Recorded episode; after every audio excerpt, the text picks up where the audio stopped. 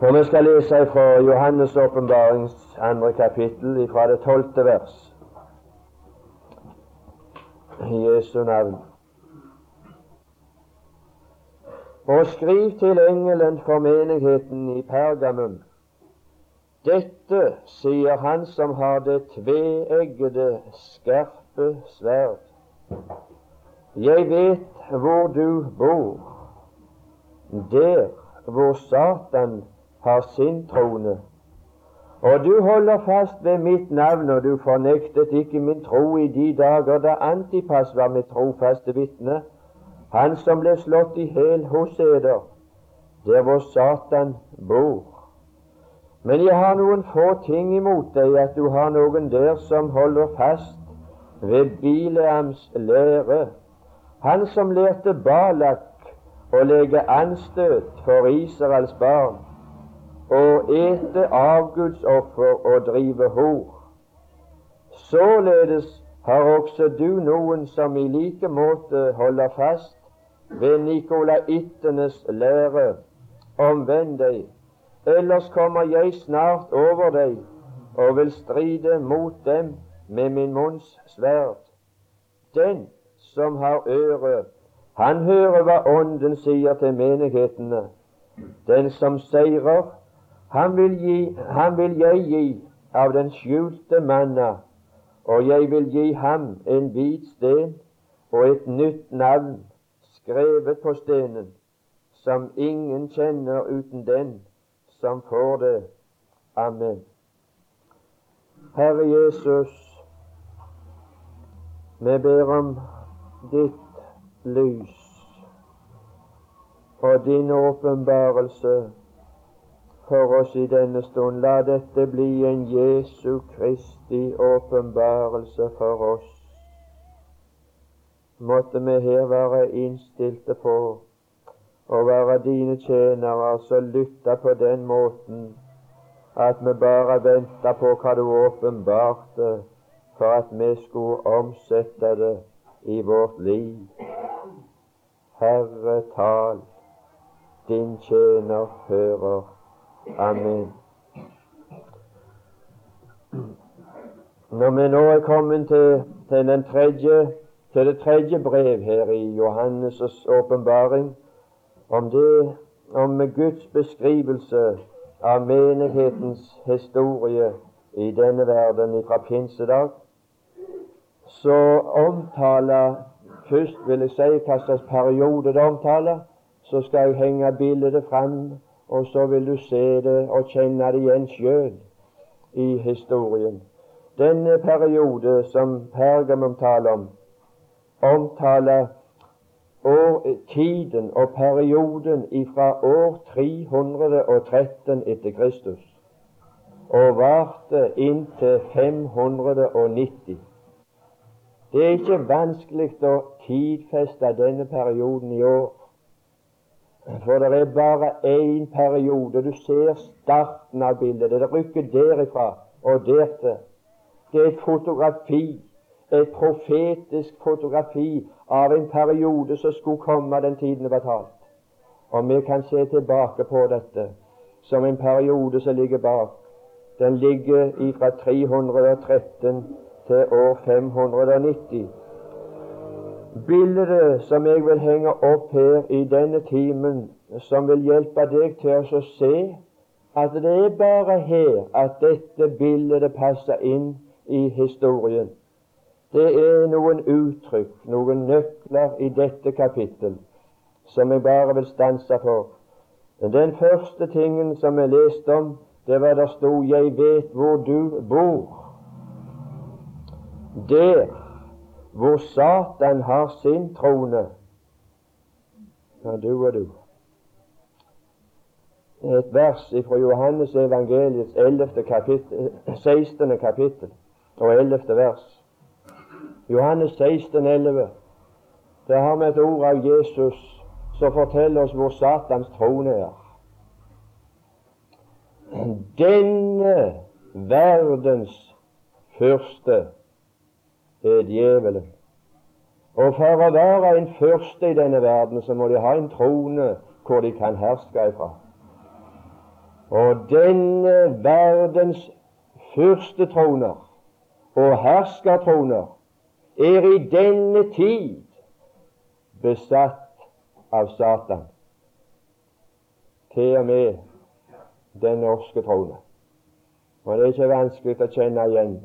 Det er ikke vanskelig å kjenne igjen ånden av det som spys ut gjennom, gjennom norsk rikskringkasting og fra norsk fjernsyn. Og det er, ikke, det er ikke vanskelig å kjenne igjen hvem det er som sitter på tronen og hersker og bestemmer ånden i det som skal ut.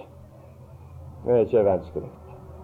Og denne tids fyrste er Satan, djevelen. Og så, så leste vi om her Jeg vet hvor menigheten bor. Nå bor menigheten der, så Satan er herre. Hva slags periode i verdenshistorien kan vi finne at det bildet passer? At jeg kjenner det igjen. Det er bare ett årstall i verdenshistorie og i kirkehistorie som taler om dette historiske øyeblikk at den menigheten, den kristne menigheten, som før var atskilt ifra verden, kom sammen med verden på herskersetet. Det var i Rom. Det var ved Konstantin. Det var i år 313 når keiseren, herskeren, fyrsten, avgudsdyrkeren, han som var ypperste presten for avgudsdyrkelsen like til sin dødsdag, han ble også fyrsten og lederen for den kristne kirke på denne jord. Konstantin. I én person. Det er fra Ivar Velles kirkehistorie jeg har det. Så det er en historiske sannhet som er anerkjent ifra alle. Det er der jeg leser om dette årstallet. Det er der jeg leser om når menigheten slo seg ned der hvor Satan hadde sin trone. Det var den ypperste, og han legger ingen skjul på Ivar Velle at Konstantin inntil sin dødsdag var ypperste prest for avgudsdyrkelsen, samtidig som han var den øverste leder og sjef for den katolske kirke som den gang ble starta og danna. Der har, du, har begynnelsen til denne begivenhet. Å bli boende der hvor Satan har sin trone. Hva blir resultatene av det? Hva tror du det blir resultatene av? At de kommer sammen og slår bo der? Vi leste første dagen om at den første lignelse i Matteus 13 korresponderte med, med Efesus, begynnelsen av menigheten i denne verden. Den andre lignelsen i Matteus 13 korresponderte med, med brevet til Smørna, hvor eh, det oppsto klinte og kveite. Det var en fiende som sådde i den samme åker som Gud hadde sådd i. Og så ble det en blanda forsamling. Nå var det en synagoge, en sammenblanding. Men her så leser vi om at himlenes rike det er ikke bare å med det, men det var en tredje lignelse. Og den tredje lignelse i Matteus 13 korresponderer med det tredje brevet i Johannes' åpenbaring. Og det var at himlenes rike er å ligne med et tre. Tenk med et tre. Nå var det slutt med den vidunderlige lignelsen med en kveiteåker. Å, hvor alle sto på samme nivå. Det var samfunn mellom kveiteaksene, og det var frukt. Men nå blir det sammenlignet med et tre, og med et tre som vokste abnormt.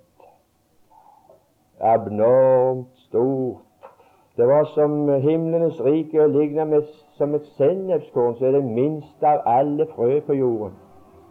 Og når det vokser opp, så blir det det største av alle trær på jorden, eller det vokser opp til et stort tre. Husk Det som har vært sitt i naturens verden, det er det at et sennepskorn og et sennepstre vanligvis så når det en høyde av fire fot. Men det har vært sett sennepstrær i denne verden, det høyeste som har vært sett, at det har klart å nå opp til en høyde av 15 fot, men det er ikke svært høyt, det heller. Det er ikke svært stort tre, det. Det er ikke store trær mot de som vi ser i Mosby. det. 15 fot. Fem meter. Er ikke så før det blir fem meter. Men eh, når himlenes rike ble lignet med et tre, så var det med et som ble et stort tre. Som var så stort at der var det rom for himmelens fugler. Og der var det rom for all slags uhumskheter. Og dette treet som det var lignet med, det vil jeg få lov å lese litt om en korrespondanse med fra Daniel. Daniel, Profeten Daniel, som du finner straks etterpå Esekiel, det fjerde kapittel, side 986 i Bibelen. Side 986. Der skal vi lese litt om et tre. Det var et syn, det var en drøm og et syn som Nebukaneser fikk, og som han ba Daniel om å få en tydning på. Tiende vers. Dette var de syner jeg hadde i mitt indre mens jeg hvilte på mitt leie. Jeg så i mitt syn et tre som sto midt på jorden, og som var meget høyt. Det var et stort og et sterkt tre, og så høyt at det nådde til himmelen, og det kunne sees helt til jordens ende. Dets løv var fagert, og det bar rikelig frukt, så det gav føde for alle. Merkens dyr fant skygge under det, og himmelens fugler bodde på dets grener, og alt levende nærte seg av det. 18. vers. Nebukaneser sier Ingen av mitt rikes vismenn kan si meg hva denne drøm eller dette syn betyr. Men du, Daniel, du kan for de hellige guders ånd er i deg. Så svarer Daniel i det 20. vers. Det tre du så, som var så stort og sterkt og så høyt at det nådde til himmelen, og som kunne ses over hele jorden, og som hadde så fagert løv og bar så rikelig frukt at det ga føde for alle, som merkens dyr hadde tilhold under, og på hvis av himmelens fugler bodde, det er du selv, konge. Det var det babyloniske verdensriket. Det var Babylon. Det var Babylon. I den tredje lignelse er himlenes rike ligna med, med tre. Menigheten som begynte som kveiteåker på pinsedag, som tapte karakteren av en ren kveiteåker i Smørna, som ble en åker av kveite og ugras, bestående av begge deler, og fikk karakteren av synagoge, den gikk i Pergamum over til å bli Babylon. Den store, skjøge Babylon, som du leser om i Johannes' åpenbaring senere. Den katolske kirke. Babylon. Et stort, et stort tre. Så høye tårn, så det ses over hele jorden. Og du verden for, for et tre, og for en bygning. Slik var det det skjedde. Det var starten. I år 313. Det var abnormt at kristendommen skulle bli en verdens makt men uh, det var profetert av Gud. Kristendommen ble en verdens makt. i denne tid, fra år 313, så var det de troende Ja, troende. Det var de som kalte seg for kristne. Den kristne menighet, den babyloniske eller den katolske kristne menighet. Det var de nå som begynte å bli de som ble eiendomsbesittere av denne verden. Det var de som begynte å få eiendomsretten til det som var verdifullt i denne verden. Bare les kirkehistorier, så skal du få se. Og det var, det var, det var, det var katolske mennesker som var kristelige, som nå begynte å besette de ypperste høye stillingene i denne verden. Ja, Nå var det de som fikk de fyrstelige stillingene. Og nå var, det, nå var det menigheten som gav de fyrsteligste betalinger og lønninger. Bare les. Det var noe annet heller på den første tid, når menigheten var i forkastelsen sammen med Herren. Nei, nå var de kommet der som de styrte. Det leser du om i denne perioden. Det er ikke vanskelig å kjenne det igjen. Nå ble etterfølgere av Kristus de som var fyrster på jorden, og levde i sus og dus. Ja, det var ei tid, ei forferdelig tid. Så leser du om noe mer enn det der. Ja. Du leser i det 14. vers om Biliams lære. Ja, Biliams lære hørte vi om her, når, den, når kristendommen ble en verdensmakt. Hva var Biliams lære for noen ting? Har du lest om Biliam? Jeg skal gi deg et vers. Du får ikke tid til å lese og tenke så mye i timen. Jeg håper det altså at, at Gud tar såpass tak i din tanke at du blir mer tenkende etter dette bibelkurs enn du var før, og at du nå begynner å tenke mer bibelsk enn du tenkte før. Fjerde Mosebok, 31. kapittel og det 16. vers, så skal vi se hvor Biliams lære bestod.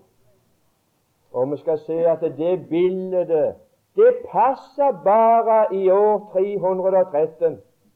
Jeg finner ingen annen plass at jeg kjenner det bildet igjen i, i, i nytestamentlig tid. Fjerde Mosebok 31, 16. Det var de som på Biliams råd forførte Israel. Hvilket råd var det Biliam gav disse som klarte å forføre Israel. Ja, for å få dem til å gifte seg med hedninger. Det var til å inngå ekteskap. En jøde, Å få en jøde til å inngå ekteskapelig forbindelse med en hedning. I denne periode så begynte det ved at de inngikk en ekteskapelig forbindelse med verden.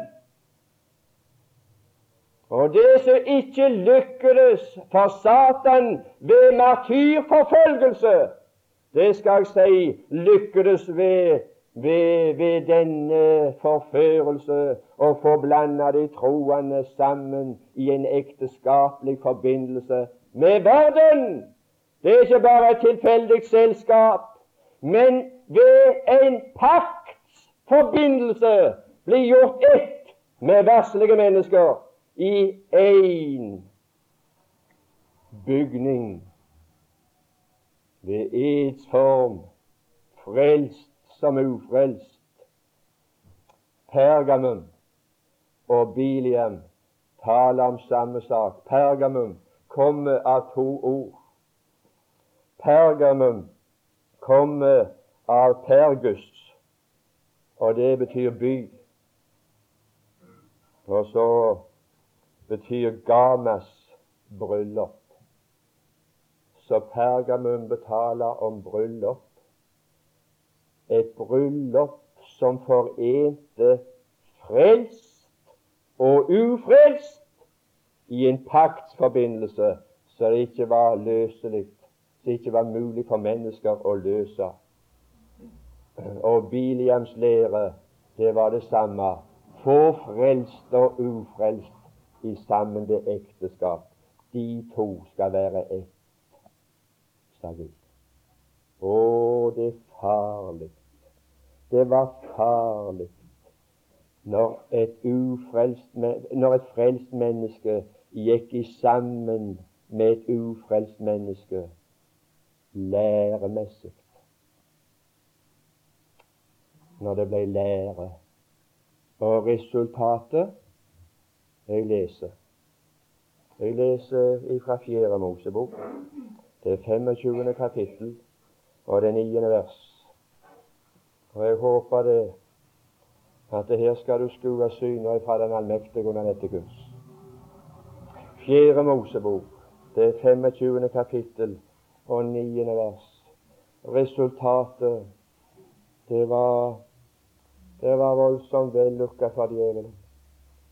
Og det som Balaks sverd ikke kunne oppnå mot Israel, det som Biliams forbannelse ikke kunne påføre dette folk, det klarte Biliams forførelse. 24 000 mennesker av Israel falt på én dag. Etter den der religiøse, etter den blandingen med hedninger. Å, for et fall! For noen følger det hadde når kristendommen forente seg med staten, og det ble en statsreligion. Der begynte det. Jeg har lest Ivar Velles historier, og han forteller der og skriver om de uhyggelige ting og følger som det hadde, og så spør han var det rett det de gjorde der, eller var det feil? Så sier han til tross for de uhyggelige følger det hadde, så må vi si det hadde en velsignelsesrik følge også, for dermed så fikk kristendommen gode kår i denne verden. Ja, det var kår. Det var kår. Det var sottens kår. Så la døden sånn over. Ja. Nå for å, for å kunne blande seg med verden, for å inngå ekteskap hm. Det er umulig å inngå ekteskap, hvem du inngår ekteskap med, uten at du dermed tar bo. Du setter bo. I det øyeblikk du inngår ekteskap, så setter du bo. Enten du har hus eller ei, så blir du fastboende. Du, blir, du, du, du, lager bo ved å gifte deg. Du setter bo, sier vi og ved at de troende inngikk ekteskapelig forbindelse med verden, så satte de bo. Og de satte bo der hvor Satan bor, og der hvor Satan har sin tro. Jeg skal få lov å dra det fram Det som var nødvendig før de kunne sette bo, det var å bygge en by. Ja. De måtte ha en by å bo i. De måtte ha noe å, by, å bo i når de, skulle, når de inngikk denne forbindelse.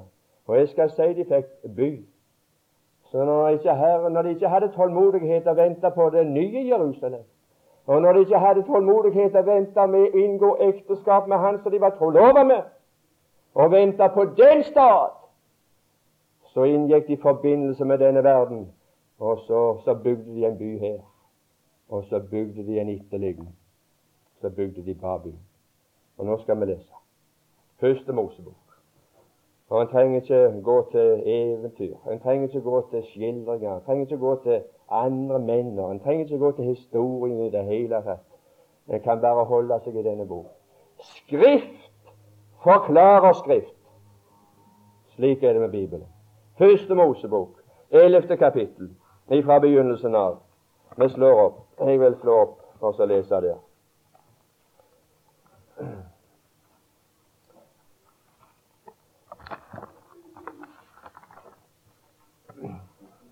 Og hele jorden hadde ett tungemål og ens tale. Og da de dro frem mot øst, fant de en slette i landet Sinear, og de bosatte seg der. Når de drog ut, så drog ikke disse ut som, som pilegrimer. Pilegrim, hva er det for noe? Når en sanger synger 'Jeg er en pilegrim', 'Jeg er en fremling', og jeg lengter til den start, så var det ikke på denne måten disse drog ut. Disse drog ut som immigranter. Hva er immigrant for noe? Hva var det de drog ut for, disse her som emigrerte til Amerika i begynnelsen? De reiste til Amerika for å ta land. De bare gikk og lette inntil de fant ei passende slette, og så tok de bo der. Og når disse drog ut, så drog de ut som immigranter. De var på lei til en plass å slå seg ned. Og så fant de ei slette. Hvem ligna de på der? De ligna på Lot. Han òg så ei slette. Og så ble han boende på den sletta, men det var Sodoma, og det var Gomorra. Men de drog frem mot øst. Der fant de en slette, og de bosatte seg der. Ja, medgangen som de fikk her med å bli gifte med staten, med øvrigheten, de som de før hadde hatt forfølgelse av, ja, det måtte vel være godt. Nå skulle de vel sikre sin framtid. Nå skal det være lett å være en kristen. Når man får offentlig beskyttelse. Det må vel være godt. Det må vel være en fordel. Ja, det tenkte de. Og så fikk de lyst til å eie det sjøl. Ja Hvordan gikk det da? Hvordan gikk det da i år 313 og 13 og i denne perioden. Hva var det som gikk tapt i denne perioden? Hva er det som du kan lese i alle de postiller, huspostiller og taler og skrifter som finnes ifra den tid og nedover? Det er umulig å finne en eneste huspostill eller en eneste preik som er sitert, som har bevart sannheten om Jesu gjenkomst. Den gikk tapt. De har ikke bruk for den. For nå var de blitt boende på jorden.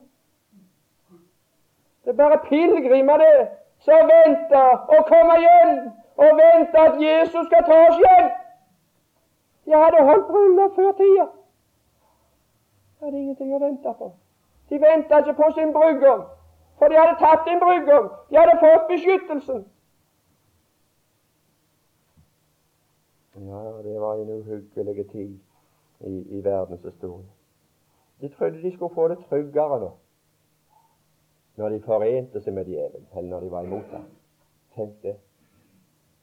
Tenk, de trodde det de skulle bli tryggere nå, når de skulle, skulle, skulle bli enige med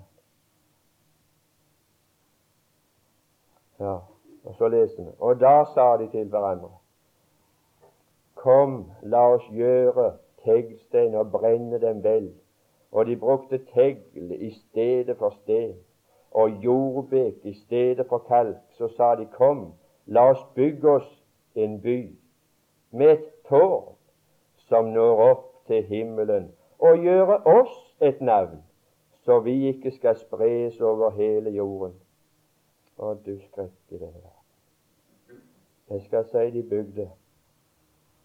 Jeg skal si det ble bygd en by men denne byen som ble bygd her, det var Babel. Det var mønsteret for Babel. Det var mønsteret for Babylon. Det er mønsteret for, for, for den romersk-katolske kirke. Det var denne, var denne, byen de bygde.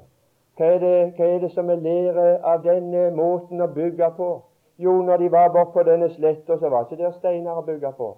Det var ingen steiner å bygge noen by på. Så skulle disse klare å bygge en by, så måtte de bruke erstatningsvarer så leste vi det at de brukte tegl i stedet for sten. Hva er teglstein for noe? Det er menneskeprodukt. Det er industrivarer. Det er erstatningsvarer for naturstein. Og i stedet for stener så brukte de tegl. Jeg skal si De var ikke så nøye med at det var steiner som den bygningen skulle bygges av. Nei, nå var det med lov at Babylon skulle bygges. Nå skulle de døpes alle som en i hele den romerske stat. Og så døptes de inn, og så var de kristne, enten de ville eller ei. Enten de lot seg påvirke av det eller ei. Det var erstatningsvarer. Det var menneskeprodukt. Det var et industriprodukt. Og ingen blir kristne på den måten. Og ingen blir et, en, et stein i, i, Guds bygning på den måten. Peter sier 'kom til ham og bli oppbygget som åndelige', eller som levende stener. De hadde ikke steiner. De hadde slett ikke levende steiner. Men de ville ha seg en by. Og de ville ha seg et hus, hus og bygde de av leir. Det var det nok av på sletta. Ja, det var det nok. Det var nok av mennesker. Og når de hadde makt bak, så sa de der så at du må bli en kristen, ellers så dreper vi deg. Sånn kom de inn til Norge òg. Hvis ikke du vil bli en kristen nå, så, dukker det vonde for godt sammen. Ja, det var religionsinnførsel i Norge. Og det var, det var Babylon. Ja, ja. Det var Kains mønster. Han var, han var den første som begynte å bygge en by. For Gud hadde sagt på grunn av syndefallet så skal du være omflakkende og hjemløs på jorden. Har du glemt det? Har du glemt det, du som vil være en fastboende her? Har du glemt at Gud har sagt du skal være hjemløs på jorden? Og jeg er glad. Jeg er glad for at på det åndelige området at jeg er hjemløs her. At det er ikke her jeg har mitt. Jeg er glad det er ikke her jeg hører hjemme. Jeg har et hjem, et rom i himmelens saler.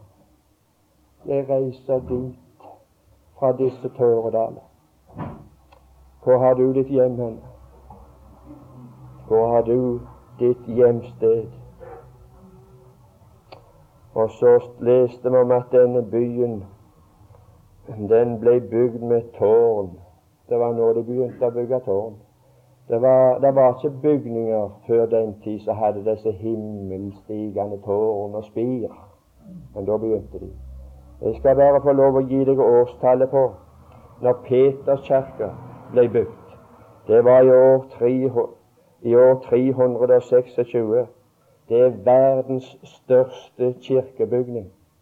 Og den ble bygd med så høye spir at det er den største bygning. Den største bygning som er reist det er mest prakteksemplar av en bygning. Det har et flatemål på 15 mål. Jeg skal si altså at Babylon har tårn. De måtte gjøre seg selv et navn. Jeg skal si vi har fått navner fra den perioden. Ja, det skal jeg si menneskenavn. Men Guds navn det gikk tapt i den perioden. Så hvis det er noen i denne forsamling som er katolsk, og sympatiserer med deg, så kommer du til å melde meg til paven, og så blir det skuddpremie på meg. Og det må du vel. Det må du vel. Dette, dette er ikke eventyr. Dette har ikke noe med innbilning å gjøre. Dette her er mye for sant til å tenke lettsindig om. Og dette er det om å gjøre å få lov å høre sannhet. Der starta det. Da gjorde det seg et navn. Det var noe mer vi leste. Vi skal gå tilbake til, Johannes' åpenbaring. Vi hørte ikke bare om, om dette med Biljams lære, om Pergamum, at de bygde seg en by, og at det ble en verdensmakt. At det var den tredje lignelse. At det fortapte karakteren av en kveiteåker og ble et tre som ruva i denne verden, og så ble synlig og vekket oppmerksomhet og var prektig å se til. Ja, det var det. Det var noe for øyene. Og du for et tre, og for noen greiner her og der. Og greinene, de er nok også i Mosby. Det kan du regne med. Du, det du gjør klokt i å regne med at de har sine forgreininger også her. Men det var en annen ting som jeg vil dra fram. Det var noe som var blitt lære i, dette, i denne perioden som bare var gjerninger i Efesus. 15. vers. Der hører vi noe om nikolaittenes lære. I Efesus der hørte vi i det sjette vers om nikolaittenes gjerninger. En ting at det var noen som gjorde noe, men når disse gjerninger nå ble lære, ja, da ble det andre boller. Nå ble det lære. Det er ingen som kan si og kjenne til noe i historien om disse nikolaitter, hva det var. Men selve det navnet Nikolaitt, det, det har sin betydning. Og når, når Bibelen bruker navner, så betyr det noe. Og når du slår opp i ei ordbok som forteller om navnenes betydning, eller du leser forklara latin, så vil du, og, og disse språkene, så vil du få finne ut at Nikolait kommer av Nikolaus. Og Niko, det betyr beseirer, og Laos betyr folk. Dette kan alt som jeg her sier, bli tatt opp på lydbånd og det skal stå for kritikk. Det skal kunne stå for den høyeste kritikk ifra disse som vet noe i denne verden. Og hvis det ikke holder for kritikk, så er det ikke ei sur sild verdt.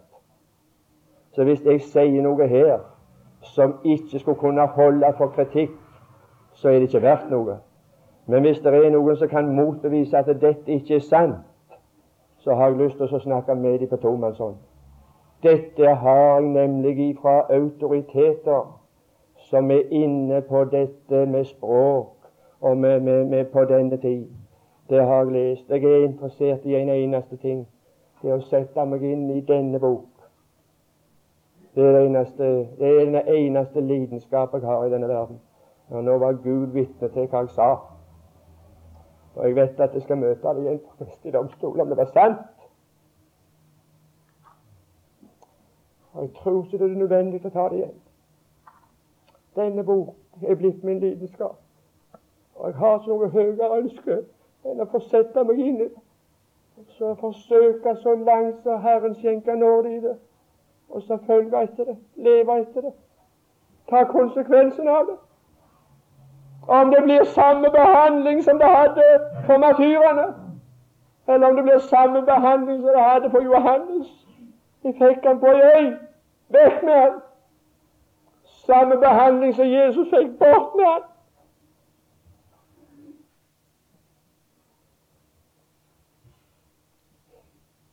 Hva slags, hva slags lære var dette her med Nikolai? Nico, det betydde seirer, beseirer.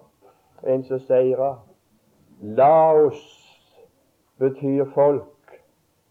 Nikolaiter, det er mennesker som beseirer folk. Og Laos har de fått et ord som heter leity. Og det ordet leity, det er det som vi har fått så, heter så fint for lekfolk i Norge. Hva er det for noe? Når var det det oppsto? Når var det tendensene begynte? til at det var noen av de troende som skulle kalles for lekfolk. Det var i Efesus. Da var det tendenser, det var gjerninger, det var noen som oppførte seg slik at de var noe annet enn folket. Den brede masse. Men her er det noen som Gud har utvalgt. Men da var det bare sporadisk enkelte mennesker som gjorde slikt. I denne perioden fra år 313, når den romersk-katolske kirke ble dannet ved forenelse med staten, da ble dette lære. Da fikk vi noen som kalte seg for geistlige. Ja, det gjorde vi. Og så skilte seg ut ifra fra det som skulle være lekfolk. Ja, det, det er ikke eldre, men det er så gammelt.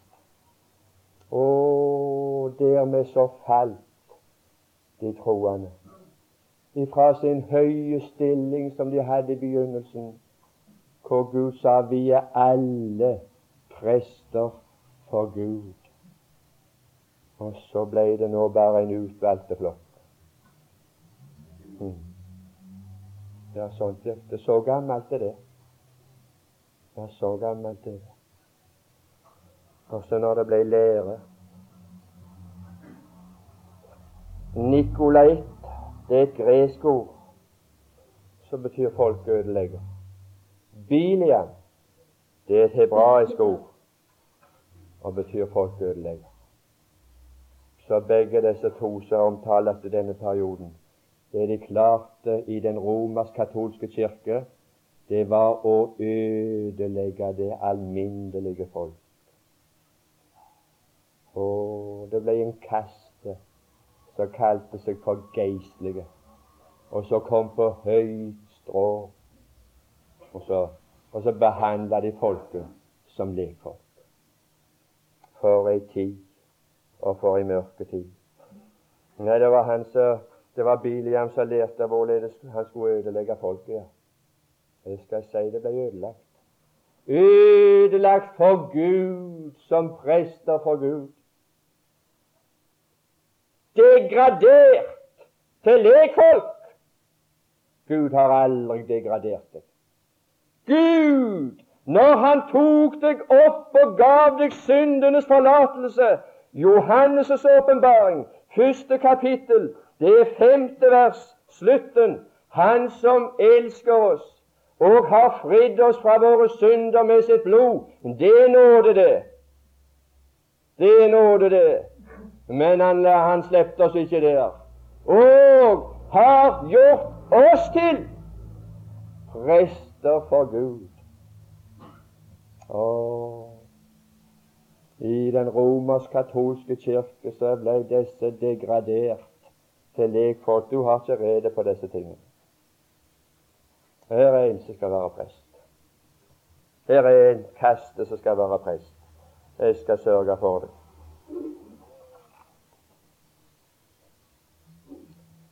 Ja, det er noe her som jeg vil ha med i denne sammenhengen som vi nå har hatt, og det er hva som kom inn imellom det som var i Efesus, for da var det slike tendenser. Det var gjerninger der. Nikolaitenes gjerninger og hva som var imellom til dette punkt når det ble lære, når det ble satt i læremessig system.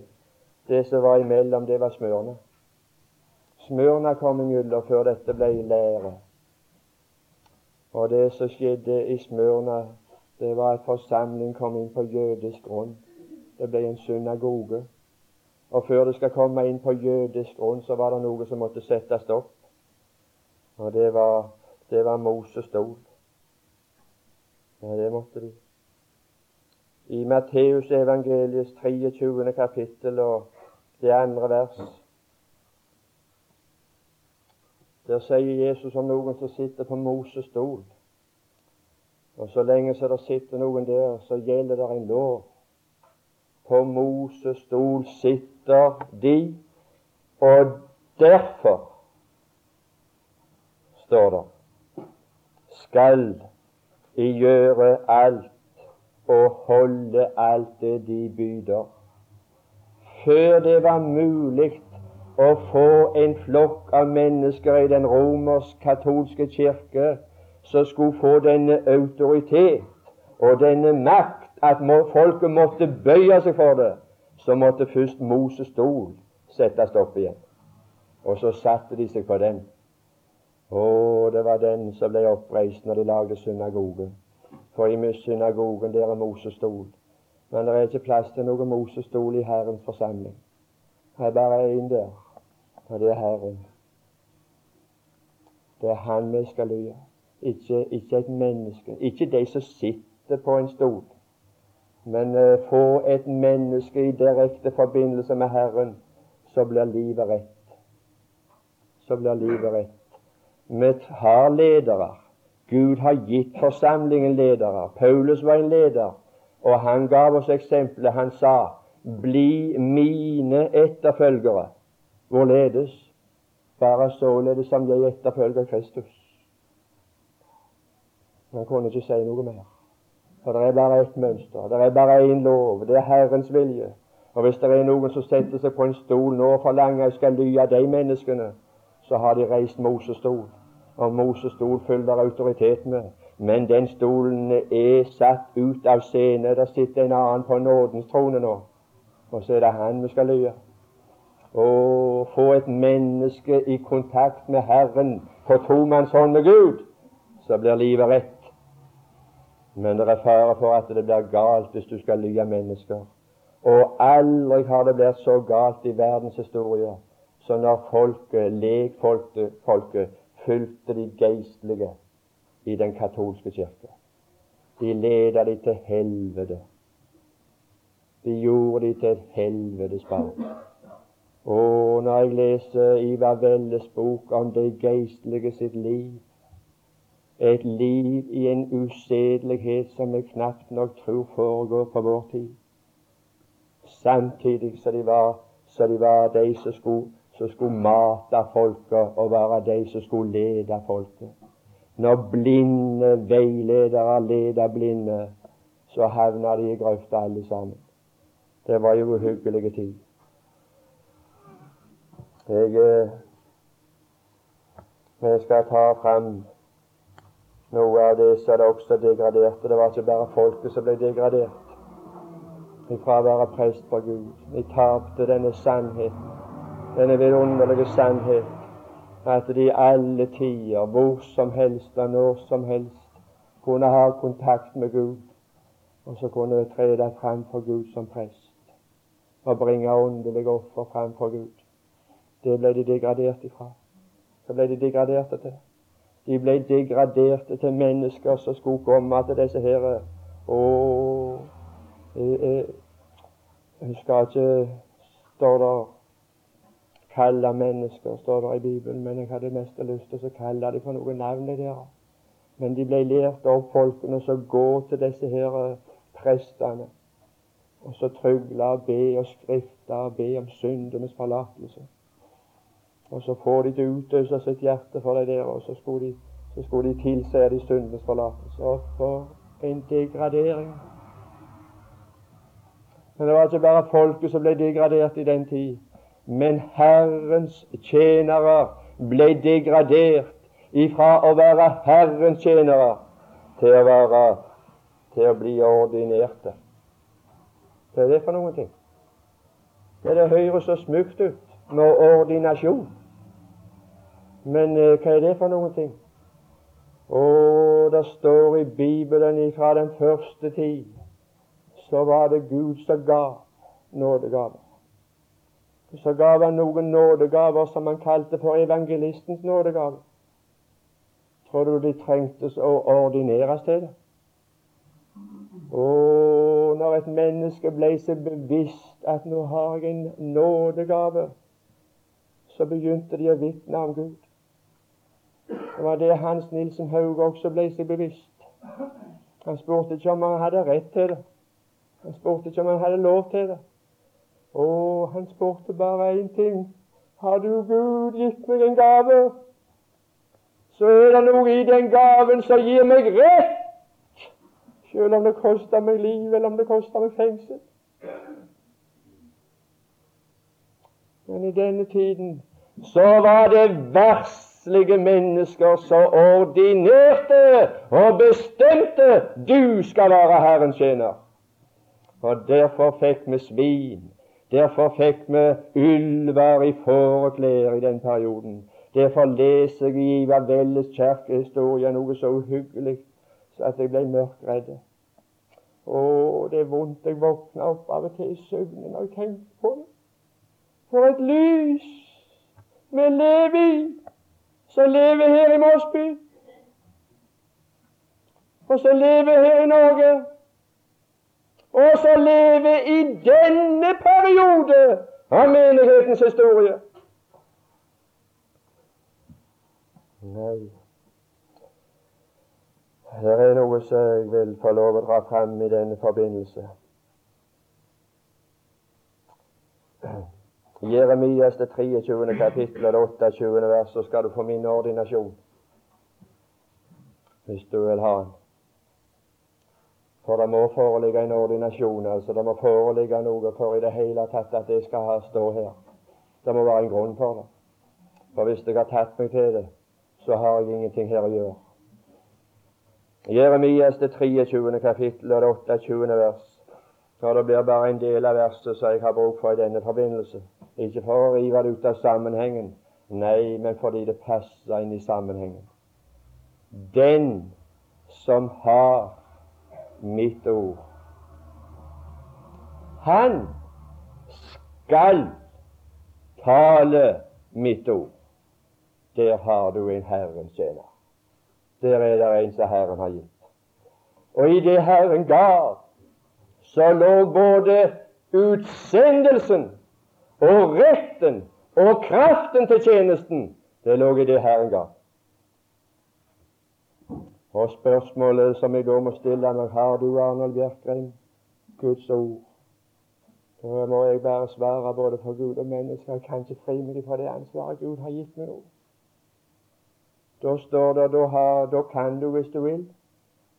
Da kan du gå ut og vitne hvis du vil. Hvis du har lyst. Da bør du vitne. Da bør du tale. Nei, det er ingenting av det som står. Han skal. Å, gå, sier Herren. Gå ut! Gå ut i all verden og forkynn! Det er bare et spørsmål om det er Herren sa sett. Å, hvorledes sender Han? Ved at Han utruster dem. Han sender ingen som Han ikke først har utrustet. Den som Herren har utsendt. Her har du prøven. Her har du det som du skal avsløre om de kommer fra Herren, eller om de kommer fra et menneske. Den som Herren har utsendt, han taler Guds ord. Basta. Ja. For det var det som gav han. Det var det han ble utsendt med. Og det var det som var, som var kraften. Han, den som Herren har utsendt, taler Guds ord. Og den som har Guds ord, han skal tale mitt ord. Og han skal tale mitt ord i sannhet. Og i selve nådegaven ligger dueligheten til å tjene. Og hvem er duelige til dette? Det ligger i gaven. Hvis Herren har gitt en gave, så ligger dueligheten i gaven. Og hvis en ikke har en gave, så har en ingen duelighet. Og hvis en ikke har duelighet, så har en ingen gave. Dueligheten ligger i gaven, og der ligger også retten. Nå skal jeg få lov å, å dra fram et vers i uh, Det var et vers i Titus jeg tenkte på. Til Timotius, mener jeg. Det var det i det fjerde, første Timotius brev, det fjerde kapittel, og det fjortende vers.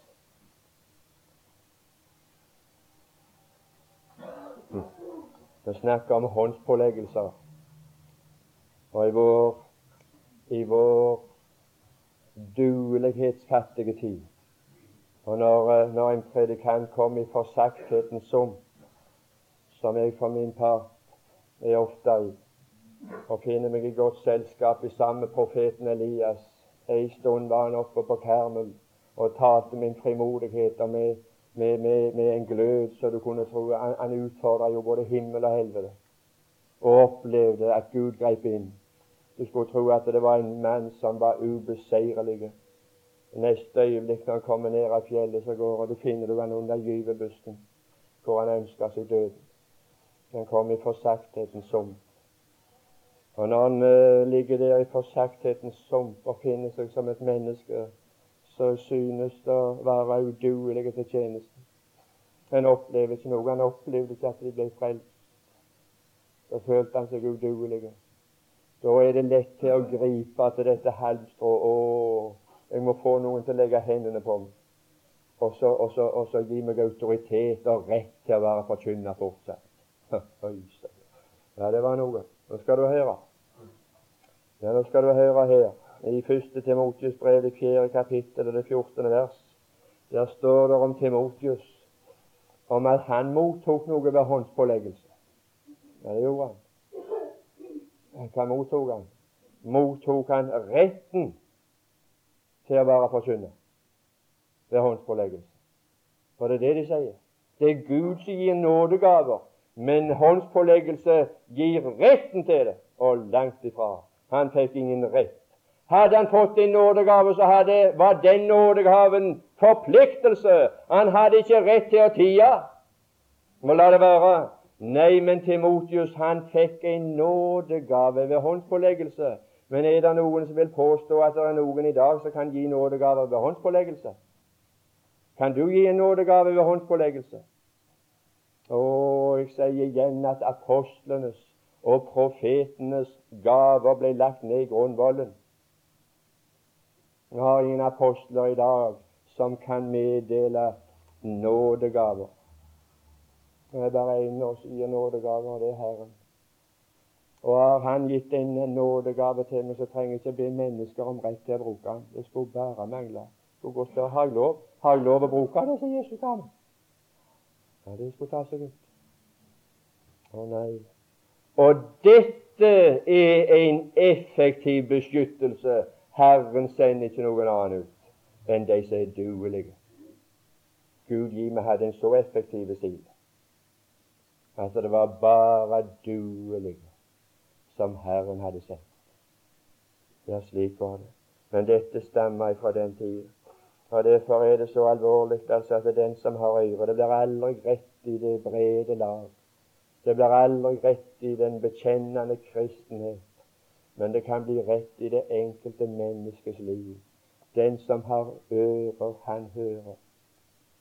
Det er spørsmål om du har ører. Og så er det spørsmål om du vil rette deg etter. Jeg skulle, jeg skulle hatt lyst Jeg kommer ikke mer inn på dette.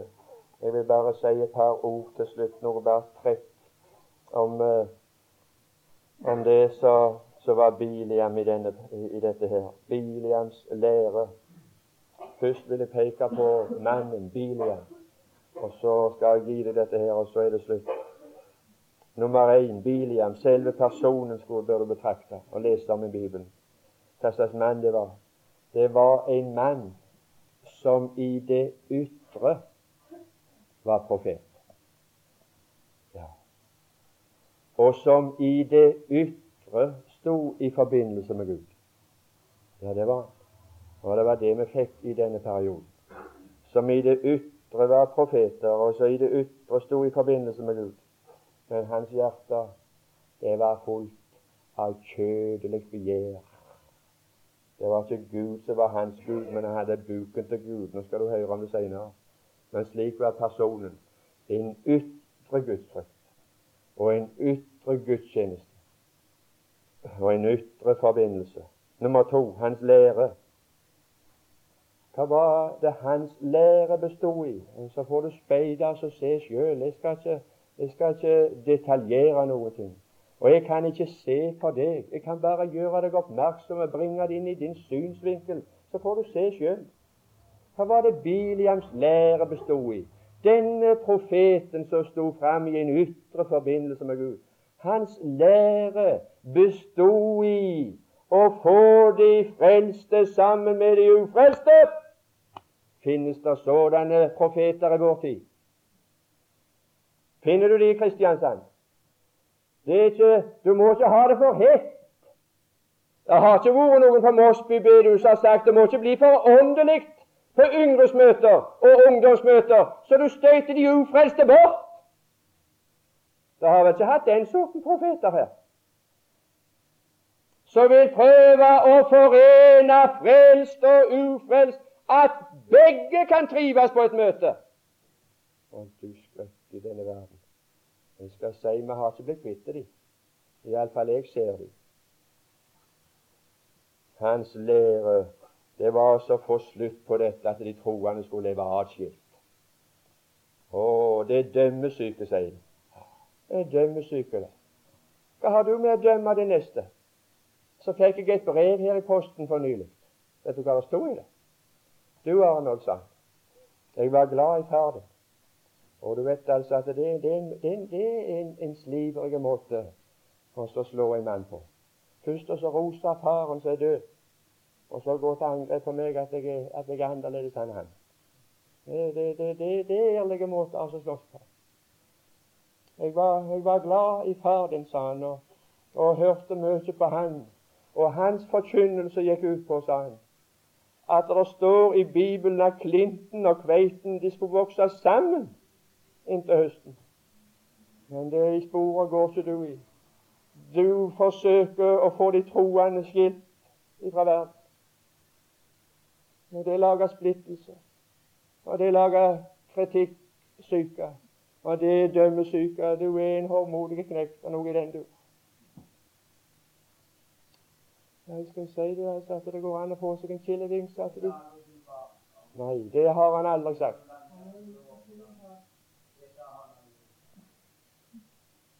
Det er godt å få høre altså, at det er noen som kan være enig i min oppfatning av det. Men det er grusomt å få slike brev.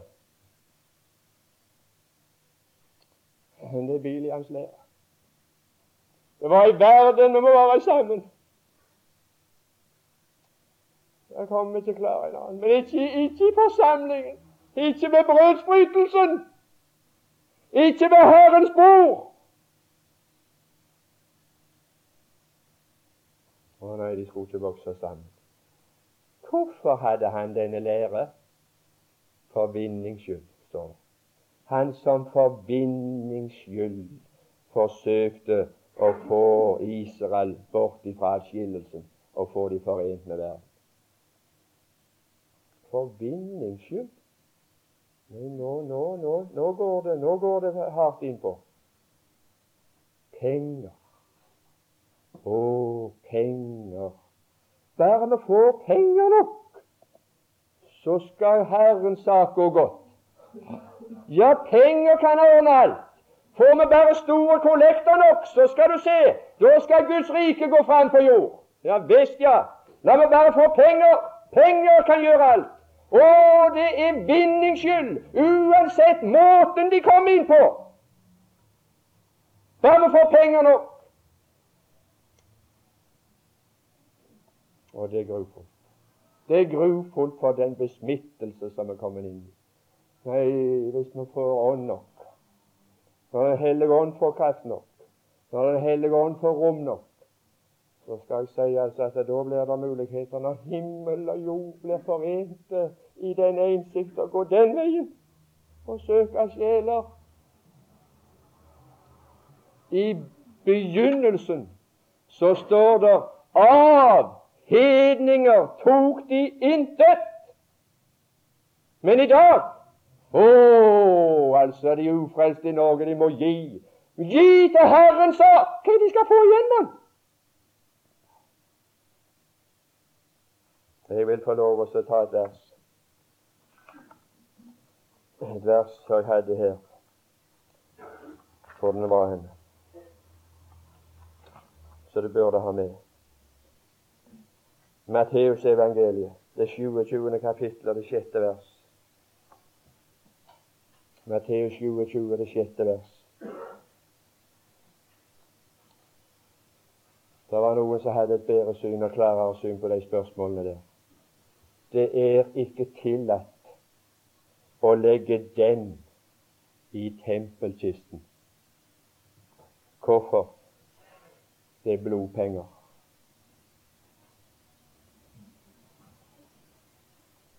Det er blodpenger.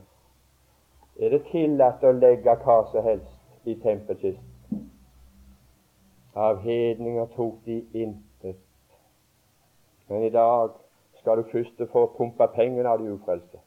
Og så skal du etterpå forsøke å bruke de pengene og så, og så vinne de for himmelen. Og du og du. Blodpenger. Nå vil, jeg få, nå, vil få, nå vil jeg få si noe.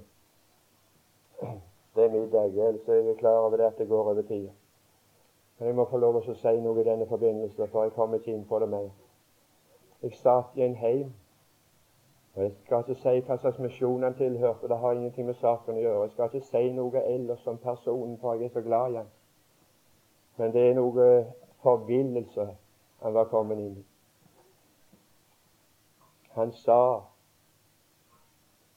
Jeg vet han var en som gir kolossalt.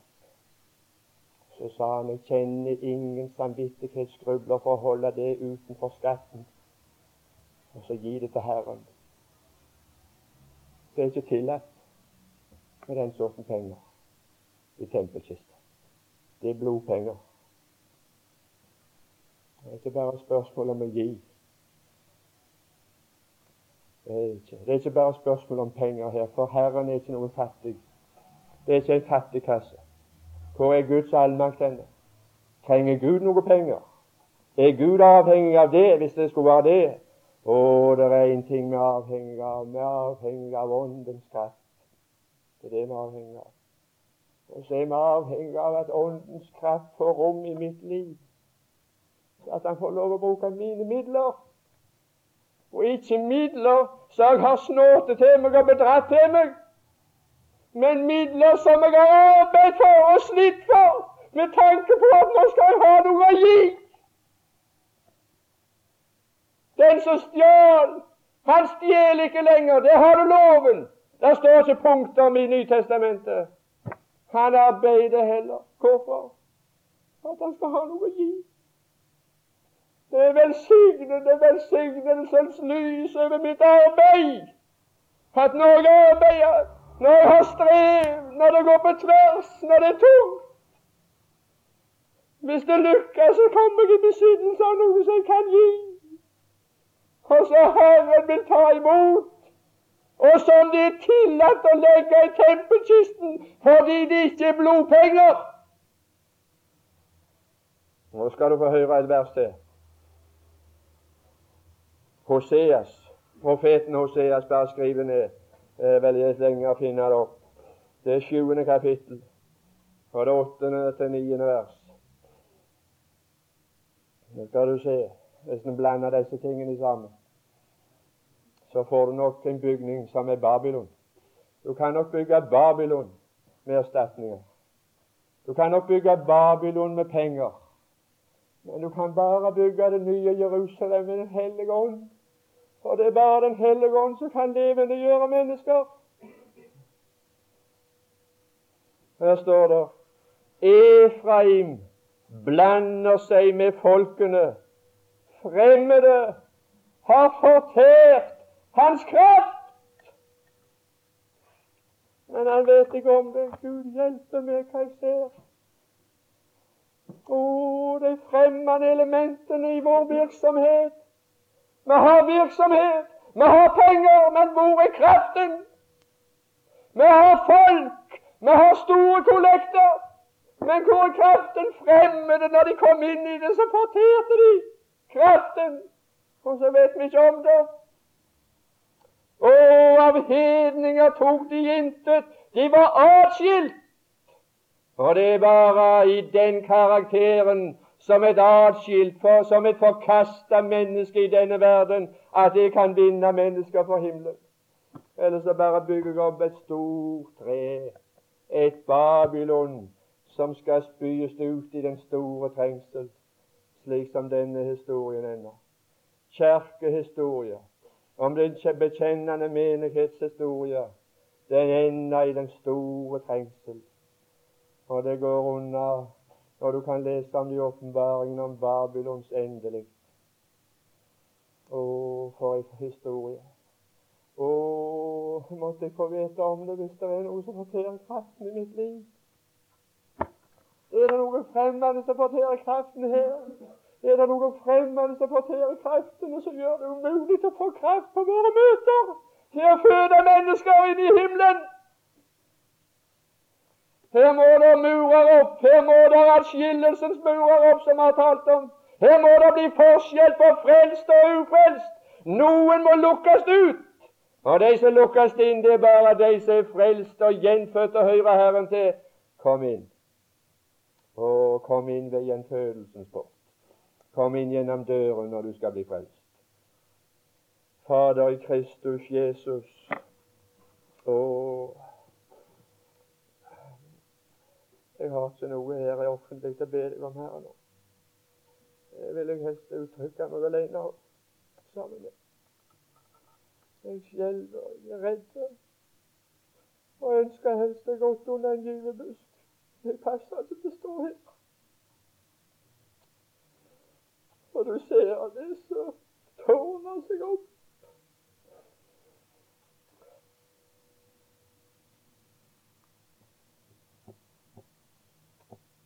Herre Jesus, gi oss samme kraft som fedrene har hatt